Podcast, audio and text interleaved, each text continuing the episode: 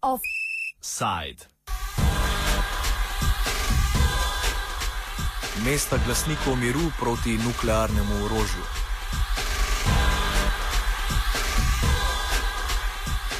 V Slovengracu se odvija generalna skupščina Združenja mest glasnikov miru, ki do prihodnjega leta tudi predseduje. Skupščine se je udeležilo 35 delegatov iz 15 mest iz 10 držav. Združenje mest glasnikov miru je bilo zasnovano v Generalni skupščini Združenih narodov in imelo prvo srečanje leta 1988 v francoskem mestu Verdun.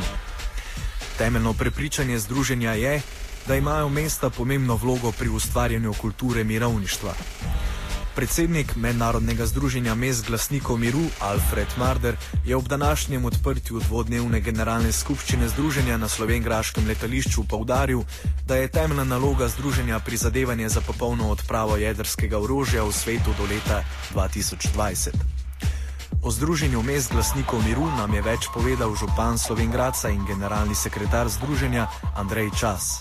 Ena izmed akcij eh, te asociacije ki deluje že 25 let eh, in eh, med drugim pa seveda je bolj povdarek pri tem, da ta mesta poskušajo tudi razširjati kulturo miru in odpravljanja konfliktov na svetovnih žariščih, predvsem preko tega, da se mesta med seboj spoznavajo in izmenjujejo te izkušnje in predvsem preko mladih vplivati na to vzgojo in prispevek k mirovniški kulturi.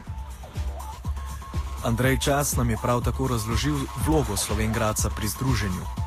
Slovengrac je pristopil že zelo malo eh, k tej eh, asociaciji, eh, predvsem zaradi tega, ker je v, že v 60-ih letih se v našem mestu pričela torej niz razstav Mir, humanost in prijateljstvo med narodi, ki je bila zelo odmevna z udeležbo priznanih umetnikov iz sveta in tudi po tej zaslugi je generalni sekretar Javier Perez de Kvaljar eh, podelil to listino našemu mestu in seveda, ker je bil potem vse skozi kar aktiven, eh, je postal tudi 2007 eh, generalni sekretar tega združenja. To pač gre bolj za organizacijsko funkcijo eh, kot eh, za drugač, eh, jaz sem gradec enak med enakimi. O vlogi Združenja mest glasnikov miru in razliki med globalnim ter lokalnim delovanjem smo se pogovarjali z bivšim županom Slovengraca in predhodnim generalnim sekretarjem Združenja Matjažem Zanoškarjem. Tu bi rekel tako, naša vloga, vloga med glasniki miru je v dveh delih razporejena tako. Prvi so eh, svetovne razmere in svetovna žarišča, vojna žarišča, ki so, na katere se mesta, ki pač so tam v neposrednji bližini, odzivajo in upozarjajo na to. E, potem je v tej vlogi, globalni vlogi, tudi prizadevanje za eh, nu, protinuklearnemu orožju, obroževanju, eh, torej gre za eh, jedrske bombe in tako naprej. Ta, to je globalni del. Drugi del je pa tisti, ki je eh, bolj lociran na lokalne, eh, lokalne stvari in pa lokalno vprašanje. Torej, vsako mesto ima velike potencijale in možnosti skozi mlade, skozi šole, skozi mnoge druge prireditve, da v svojem okolju utrjuje to uh, svoje poslanstvo in ga prenaša na mlade redove. Torej, dve vlogi sta, ena je globalna, ena je lokalna. In uh, v obeh vlogah bi rekel, da mesta, glasnikom miru, tako kot ste vprašali, odigravajo svojo vlogo, vse se odzivajo na vsa ta pereča uh, žarišča, ki se pojavljajo, na drugi strani pa še boljši upravljajo to vlogo, takrat, ko gre za eh, lokalne razmere, takrat, ko gre za eh, implementacijo naših programov, na, naših načrtov v lokalnih okoljih. Kakšna je moč civilnih inicijativ, kot je Združenje mest glasnikov miru? Nadaljuje Matjaž Zanoškar. Včasih eh, te moči nima niti varnostni svet, včasih te moči nima niti eh, organizacija Združenih narodov. Ampak takrat, ko se nastrne več in inicijativ ali drugih asociacij, ki so neposredno odgovorne za to, potem je verjetno moč eh, tolikšna, da ti vodilni politiki, od katerih je pa odvisno vse, ne, pa vodilni politiki le daje nekaj na to, pa to upoštevajo, pa uh, se potem ravnajo. Torej, naprej, a priori naprej, kot neka uh, bjanko, uh, bjanko potrdilo, da bomo uspeli v neki akciji, ni nikoli.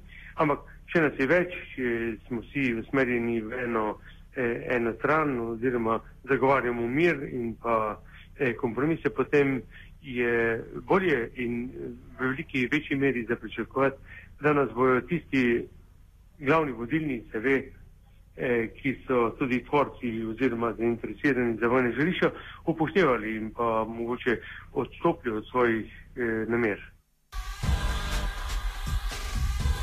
O vlogi civilnih združenj pri oblikovanju mednarodne politike in nasprotovanju jedrskemu orožju smo se pogovarjali s predavateljem mednarodnih odnosov na Fakulteti za družbene vede v Ljubljani, Milanom Brglezom. Zdaj se pač dve zadevi nekako soočata. Po eni strani, dajmo reči temu dobrohotna ideja,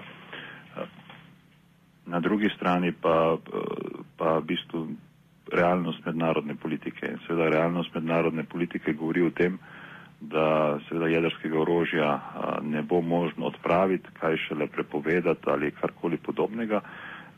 Zadeva, se, zadeva je celo takšna, da niti meddržavno sodišče v svetovalnem mnenju ni povsem izključilo možnost uporabe jedrskega orožja, seveda v samoobramne namene. Globalen mer je torej praktično nedosegljiv iz zdajšnje situacije, realno politično gledano. Uh, ja, zdaj vprašanje je v bistvu, kaj bo razumela kot mir. Ne? Eh, če bova razumela kot mir, kot neko odsotnost kakršnega kroži ogrožanja, potem bi se z vami strinjal.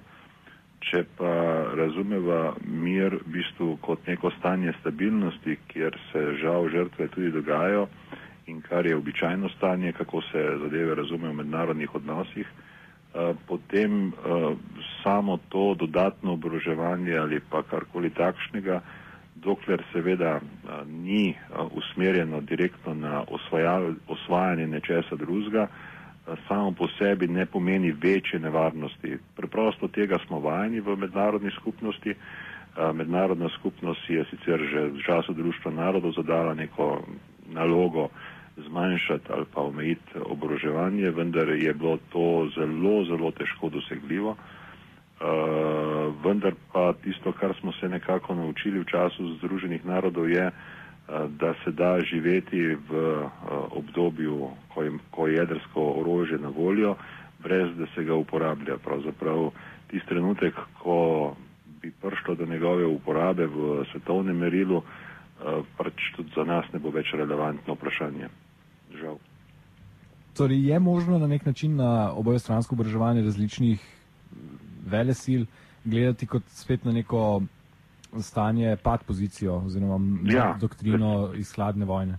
Predvsem, predvsem na ta način uh, je po mojem uh, dobro gledati celotno zadevo, ker takrat, ko dokle so bili samo dve uh, vele sili, sta nekako razumeli, da lahko druga druga uničita, uh, kar je potem pomenilo, da so na mesto njiju uh, ali pa da so se bojevali preko, bom rekel, posrednikov regionalno. Obe sta sicer vedno poskrbeli, da se ta regionalni konflikt ni razširil v kaj širšega. Um, ampak dobro, to je ena, ena stvar. Druga stvar je pa seveda to, kar, kako smo mi navajeni na Zahodu gledati na to, kaj nas ogroža.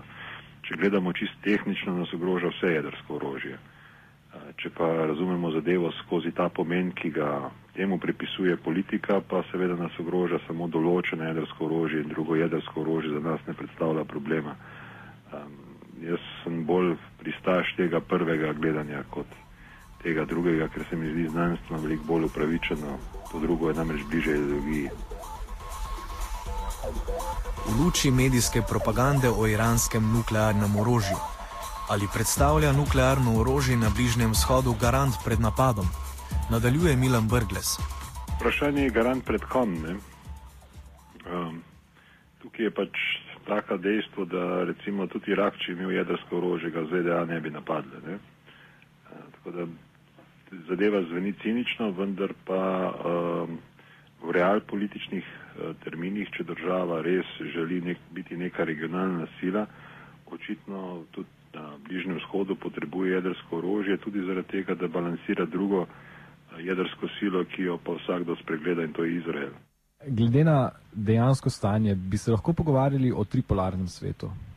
Uspon oziroma ponovno uspon Ruske federacije v navezi z usponom Kitajske seveda in, in hegemon Amerika kot konstantna vele sila. Um, vojaško ja, najverjetneje s tem, da Amerika ima tle vojaško še vedno prednost. Uh, ko začnemo v bistvu pa gledati ekonomsko ali pa kako to drugače, potem pa ta prednost Amerike še zdaleč ni več uh, toliko neodvisna in uh, oziroma ni, ni toliko premočna kot uh, na, na področju vojaške tehnologije in tega, koliko je vloženo v to. Uh, tako da uh, bi v tripolarnem govoru ravno, bom rekel, upoštevanje vse vire moči, kot jih poznamo v, in ki so relevantni sodobni mednarodni skupnosti.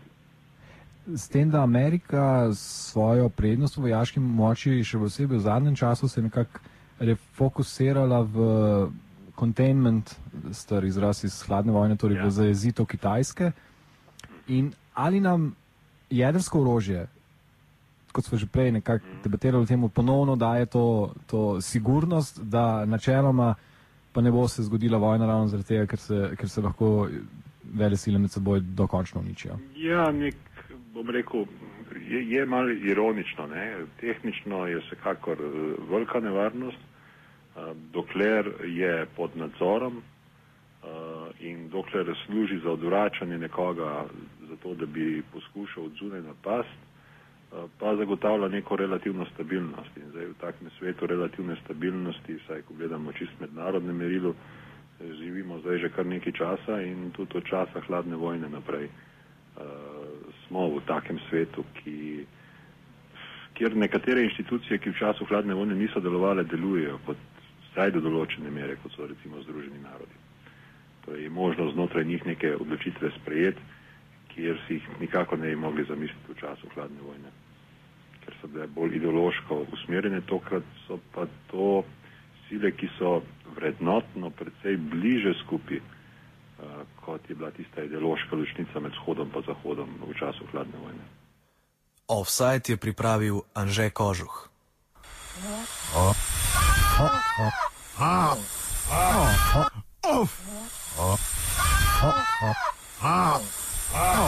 Offside.